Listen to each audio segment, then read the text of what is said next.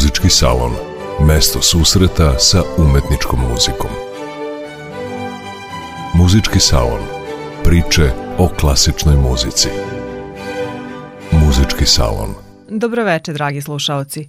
Moje ime je Jovana Golubović, a večeras ćemo pažnju posvetiti kompozitoru čije su dela poznata širokoj publici. Njegove kompozicije izvode se na brojnim događajima koji nekada nisu isključivo muzički.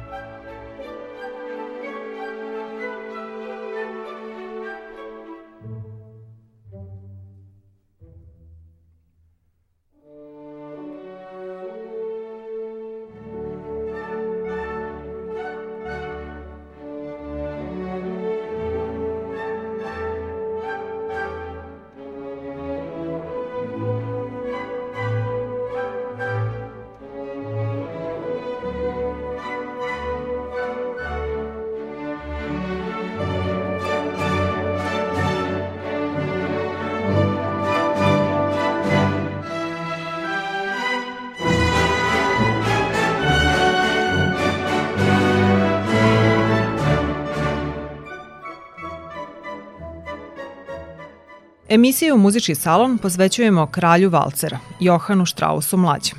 Čuli smo početak njegovog najpoznatijeg valcera na lepom plavom Dunavu u izvođenju Londonske filharmonije pod upravom Franca Velsermesta.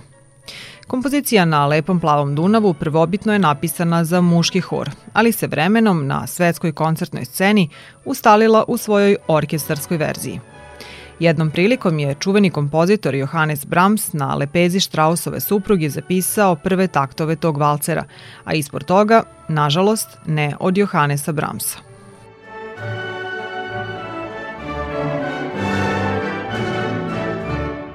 Na lepom plavom Dunavu je zapravo prvi Strausov horski valcer, koji je napisao po poručbini za Bečko muško pevačko društvo, Wiener Männergesang Verein – Sa njima je Strauss nastavio saradnju i komponovao šest horskih valcera, dve polke i marš. Temu valcera na Lepom plavom Dunavu kompozitor je skicirao jeseni 1866. godine, a prvobitna verzija napisana je za četvoroglasni hor bez pratnje. Kompozicija je imala manje delova nego ova koju danas poznajemo. Nije bilo uvoda, a koda je bila kraća. Ubrzo je kompozitor dodao klavirsku pratnju i proširio valcer – Verzija sa orkestarskom pratnjom uz uvod nastala je pred premijeru u februaru 1867. godine, koja je održana u okviru karnevalskog programa društva. Strauss nije dirigovao na premijernom izvođenju jer imao nastup sa svojim Strauss orkestrom na Carskom dvoru. Originalni satirični tekst napisao je član Bečkog muškog pevačkog društva Jozef Weil – a 1890. je Franz von Gernet napisao novi tekst, koji bi odgovarao i nekarnevalskim prilikama. Ta verzija počinje rečima Donau zo blau, Dunav tako plava. Nepunih mesec dana nakon premijernog izvođenja kompozicija je odsvirana u Beču u svojoj kompletnoj orkestarskoj verziji na godišnjoj karnevalskoj reviji Strausovog orkestra. Tada je dirigovao kompozitor, međutim kritika nije poklonila posebnu pažnju orkestarskom delu. Više je prethodno hvaljeno ono horsko.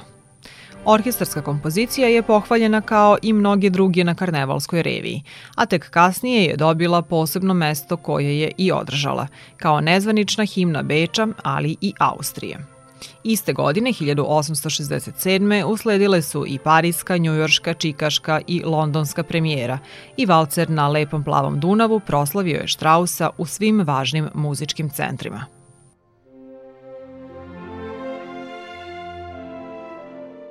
U nastavku emisije slušat ćemo verziju za hor i orkestar u izvođenju Bečkog muškog pevačkog društva, Simfonijskog orkestra Slovačkog radija i dirigenta Johanesa Wildnera.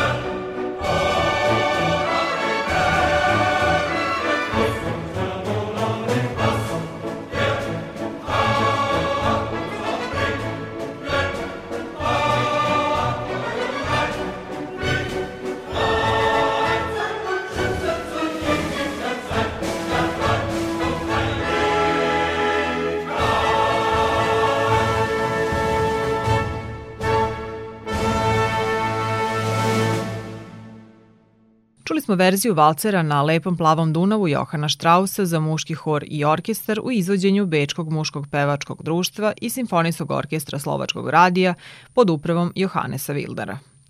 A kako je nastao valcer, jedan od najpopularnijih plesova? Većina plesnih historičara smatra da se valcer razvio iz bavarskog drehera i austrijskog lendlera, koji su bili popularni u 16. veku, a koji su podrazumevali isprepletano držanje parova u kolu i plesanje oko zamišljenog centra u neparnom taktu. Nemačka reč valcen znači okretati, kotrljati, a prve pisane tragove o plesu nazvanom valcer pronalazimo polovinom 18. veka, kada je kao balska igra za parove prihvaćen od strane austrijskog plemstva, iako isprva kritikovan zbog prisnog zagrljaja i brzih okreta. Pohod valcera počeo je nakon Bečkog kongresa, te je postao balski ples par excellence 19. veka. Brzo je stekao popularnost u drugim evropskim zemljama, možda zato što se činilo da predstavlja neke od vrednosti romantičarske ere ideale slobode, karaktera i strasti, a veliku ulogu u promociji plesa u prvoj polovini veka imala su dela koje su pisali bečki kompozitori Laner i Johann Strauss stariji koji su prvi umetnički stilizovali igru s naglašenom tročetvrtinskom ritmikom. Johana Strausa nasledio je njegov sin, Johan Strauss mlađi, koji je u valcere uneo polet i vedrinu.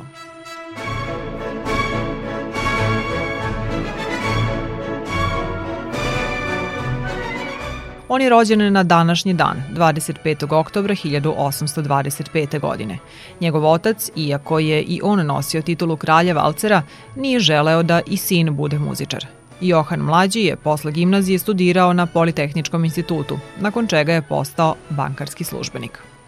Umeđu vremenu, uz pomoć majke, a bez očevog znanja, pohađao je časove violine i kompozicije.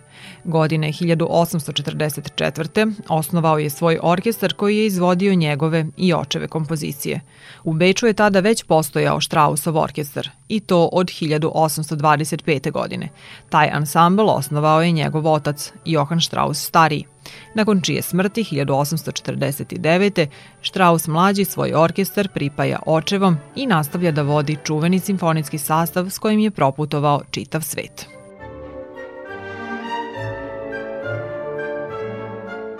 Strauss mlađi je napisao čak 168 valcera, a uz neprikosnoveni na lepom plavom Dunavu veoma su popularni i priče iz Bečke šume, Bečka krv, jutarnje novine, Ruže s juga, Prolećni zvuci i Carski valcer. U nastavku slušat ćemo valcer Prolećni zvuci u izvođenju Strauss orkestra i dirigenta Andraša Dejaka. Čuli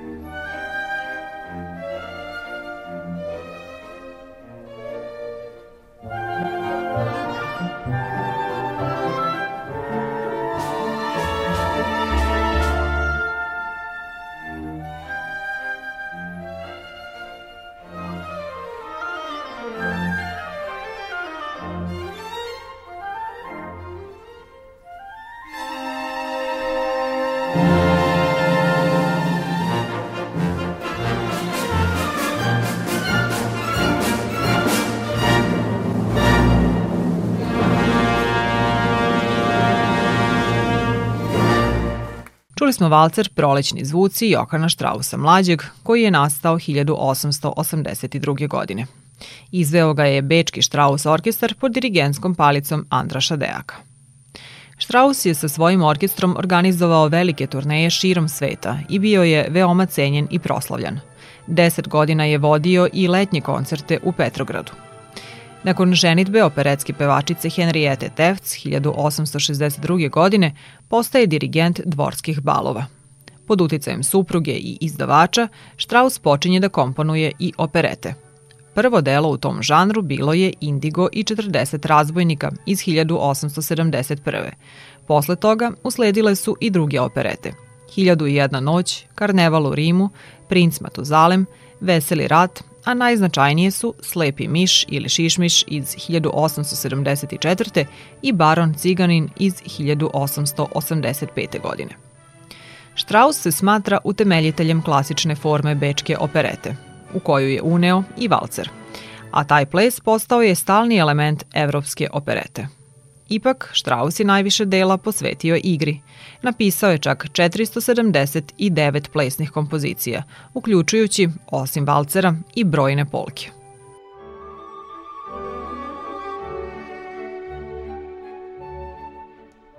Uz Bramsa, koji se oduševljavao Straussovim kompozicijama, kralj Valcera uživao je i poštovanje Richarda Wagnera, koji ga je nazivao najmuzikalnijom glavom 19. veka – Johann Strauss mlađi živeo je do 1899. godine. Preminuo je nekoliko meseci pre 75. godine.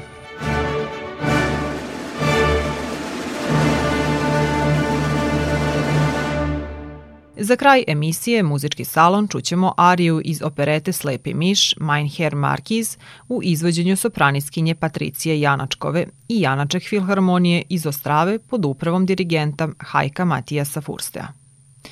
Emisiju su realizovale Iboja Šanca za ton pultom i Jovana Golubović za mikrofonom. Pozdravljamo vas do novog muzičkog salona.